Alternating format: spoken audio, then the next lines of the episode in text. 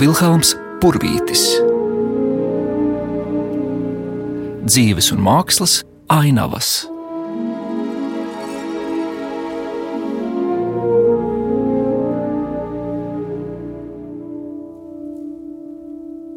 Mani sauc Gina Gerhards Upinieks, un es esmu Latvijas vizuālā mākslas departamenta vadītāja Latvijas Nacionālajā Mākslas muzejā. Vilkams Purvīts, kas patiešām ainavu meistars, un viņa devums kā gleznotāja, kā mākslinieka, kā liela vārda šajā nozarē ir patiešām tagad gaismā celts. Un jāsaka, ka viņa personība ir tik daudz šķautnaina, ka arī citas jomas, kurās viņš darbojās. Viņš ir profesionāls un viņš darbojās vienmēr visaugstākajā kvalitātē. Viņš ir bijis arī vispār kultūra diplomātijas veidotājs un vispār kurators, izstāžu kurators, kas man liekas ir ļoti, ļoti nozīmīgi. Tātad mēs varam runāt, protams, par to laiku, kad jau Latvijas valsts ir nodibinājusies, jo tas iepriekšējais periods faktiski ir viņa pieredze, un uh, viņš redzēja pasauli, ieguva šo pieredzi tādā mērā, ka viņš jau bija šis, eh, kā saka, Eiropas cilvēks. Un viņam nebija tādēļ grūti kļūt par starptautiski un arī kultūra politikā nozīmīgu personu. Vilhelms Purvītis daudz paveicis Latvijas glezniecības starptautiskajai atpazīstamībai. Par to arī turpināsim. Nu, ja mēs runājam par Latvijas valsti, tad, tad jau faktiski pašos sākumos, eh, uzreiz jau pēc eh, nu, de jure atzīšanas, tad 21. gada janvāris, Un sākās šīs jautājums par izstādēm, par Latvijas mākslas reprezentāciju ārzemēs. Un ir sūtņi, kas sāk strādāt savā sūtniecībās, un uzreiz jau arī šī māksla, kā parādīt Latviju. Tie ir saglabājušies tādi interesanti arhīvā materiāli par to, ka Purvīts bija ne tikai, kā mēs zinām, rektors un pilsētas mākslas muzeja direktors, bet viņš bija arī padomdevējs tieši šādos jautājumos. Un um, ir saglabājies tāds, uh, nu, tāda zināmā ziņa, ka faktiski tā ir tāda arī nu, pirmā eifórija, ka nu, mēs tagad uh, dosimies uz Eiropu un, un kā tas būs labāk. Un um, te ir jāpiemina Baltijas valstis, jo tieši 22. gadā bija piedāvāts tātad, uh, Rudens salonā veidot izstādi Baltijas valstīm. Un, uh, tas būtu tāds tā kopīgs pieteikums, un uh, tad sākās apspriedes. Te bija gan Latvijas sūtnis Francijā Oļģerts Grosvalds, gan mūsu sūtnis un pilnvarotais ministrs Itālijai Miķels Valters un padomnieks Mārtiņš Nukša. Sākās diskusijas, kādā veidā tas notiks. Šeit bija jautājums par šo kopīgo Baltijas tēlu savā laikā, un arī par to, ka vajadzētu domāt par šo nu, zināmā mērā kvalitāti. Tad bija jautājums arī, kā veidot kā darīt šajā laikā.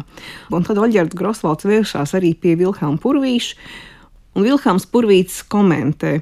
Kopīgas Baltijas valstu izstādes sarīkošanas jautājums būtu mūsu valdībai, varbūt jau tagad jāpārskata tuvāki no valstiski politiskā stāvokļa un ieinteresēto personu aprindām un tieksmēm. Vistuvākā nākotnē var jau sagaidīt ielūgumus uz lielajām starptautiskajām ārzemju mākslas izstādēm. Un tā kā sevišķi mazākas valsts, tā Latvija, to nevarēs citādi darīt. Domājams un paredzams, ka Eiropas mākslas tautas šīs gadījumos, šeit iet runa par mazākām tautām, rīkosies katra patstāvīgi un neatkarīgi no politiskajām apvienībām. Un katra valsts sāka dzīvot savu dzīvi, un tā bija taisnība. Respektīvi, ka šīs Latvijas mākslas veiksmes stāsts Eiropā, tas patiešām varētu attiecināt uz to, kā purvīt gan kā šīs kultūra politikas veidotāji, gan arī kā toreiz viņas sauc par ģenerālu komisāru izstādēm un kā padomnieku. Un tas patiešām bija tas panākums. Minētā diskusija notika par izstādi, kas bija paredzēta Rudens salonā Parīzē 1922. gadā, kur katrai valstī būtu sava šāle. Tā rakstīts šajos dokumentos. Tā arī notika, ka šīs mazās tautas katra par sevi devās eh, uz Eiropas mākslas centriem. Un eh, tad jau 30. gados, kad jau bija šī autoritīvo režīmu laiks un bija arī finansējums, tad gan atkal šīs Baltijas valsts sanāca kopā, kas attiecās uz šo Baltijas valstu tālāko sadarbību. Patiešām tā bija 30. gadi, bet līdz tam Latvijai bija savs veiksmes stāsts. Un pirmā izstāde bija Stokholmā 1927. gadā. Tā bija pirmā Latvijas mākslas izstāde ārzemēs, kas notika ar lieliem panākumiem. Ir saglabājies arī izstādes katalogs, bija arī Zviedru izstāde Pilsētas mākslas muzejā. Un faktiski šī diplomātija, šī kultūras diplomātija, kur reizē ar mākslu var izrunāt arī politisks jautājums, kādēļ arī šī māksla ir tik nozīmīga, tas faktiski bija nu, tāds pirmais pieteikums. Un nevelti 1929. gadā jau arī Zviedru karalis Rīgā ir kā atbildes vizīte. Tā kā faktiski Purvīts veids šo pirmo misiju kopā, protams, ar tajā laikā ārlietu ministriju un komandu, bet tas tiešām bija ļoti, ļoti svarīgi Latvijai kas attiecās uz eh, nākamajiem periodiem.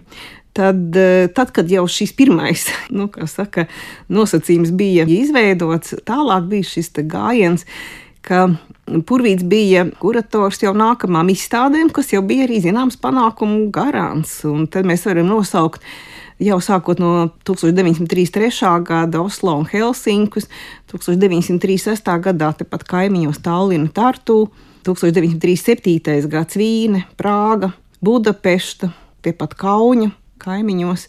1938. gads tā ir Kopenhāgena. Un uh, varbūt Purvītam arī piemīta tāda, kā, kā lai saka, viņš ļoti labi iederējās augstākajās aprindās. Viņš prata tikties audiencēs, un vēl ir saglabājušies tādi dokumenti, kur, uh, piemēram, Purvīts ir izstādē tiekās ar Dānijas kroņprinci. Tad viņš ir tātad pieteikts audiencē un ierodās pie Dānijas karļa Kristiāna desmitā. Un tas ir kopā ar Stūtni Jānu Lazdiņu un arī ar eh, Erastu Šveici, kas viņam palīdzēja šajās izstādēs. Un te mēs arī varam runāt par tādu, kā lai pasaka, tādu zināmu diplomātisko etiķeti. Viņš var arī perfekti iederēties šajās augstākajās elitārajās aprindās, gan ar uzvedību, gan ar valodām, gan arī uz viņu kā autoritāti, jo tajā laikā skatījās. Un eh, es domāju, tiešām šīs te smaids, bet nevis skaļi smiekli, runāšana nevis vienam otram pāri, bet eh, tā ir tā runāšana, ko ieaudzina. Un uh, tikšanās, uh, kas uzvedība, etiķete, kas tajā laikā ir, nu, to viņš brīnišķīgā veidā pārvaldīja. Viņš tāpēc šādos jautājumos arī tika aicināts, un, un, un viņš bija kā goda viesis.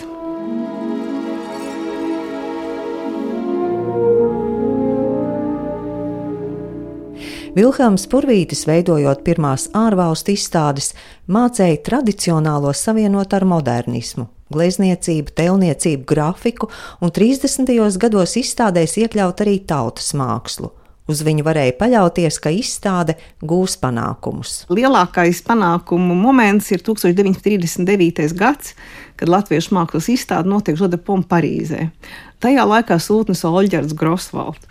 Un, tā tad notiek izstādes sagatavošana. Tajā laikā atkal ir jautājums par to, ka šī izstāde ir jau kopā ar lietišķo mākslu. Tad mēs runājam par šo tautas tradīcijām un, un arī saktām, mūsu nacionālajiem kostīmiem, tautstērpiem un rotām un visu šo kopā. Tad tā, tā kā tāda ievada un saglabājies ir arī Oļģa Grosvalda saraksti, kur ļoti perfektam ir jābūt, piemēram, vestibilam. Vestibilā ir jābūt Latvijas kartei, kurai ir jābūt tādā pelēkbēšīgā krāsā. Un, uh, mēs skatāmies, mums tiešām arī varam atrast fotografiju, kur stāv nu, šī atklāšanas uh, viesi un arī galvenie runātāji. Aiz viņiem ir siena, kur ir šī Latvijas karte. Un, um, nu, protams, melnbalta fotografija, bet patiešām to var saprast, ka tā tiešām ir šajā bēšīgi pelēkajā krāsā, kas tad arī ir panākts. Un, uh, ir šīs vitrīnas, un tad ir arī tas, ka ir informācija, kad ir ieradies uh, Francijas valsts prezidents atsevišķā vizītē, Un, uh, viņa kundze skatījās uh, uz šīm rotām, un uh, ir saglabājusies informācija, ka viņš ir nokavējis visus protokolus un laikus, ka viņš ir izstādē bijis ilgāk, un izstāde tika pagarināta. Tas jau vien bija arī zināmā mērā nu, liecība, ka, ka tas bija patiešām panākums. Jo presa rakstīja par to, ka tas ir Latvijas mākslas triumfs. Ginta Gerhārde Upeniece apliecina, ka Vilhelms Purvītis ir bijis izstāžu kurators mūsdienu izpratnē kas atlasa darbus un domā par izstāžu telpu. Un tas ir ar piemēriem arī ilustrējams, jo, piemēram, mēs eh, zinām, ka šī pati izstāde tajā pašā gadā devās arī uz Londonu.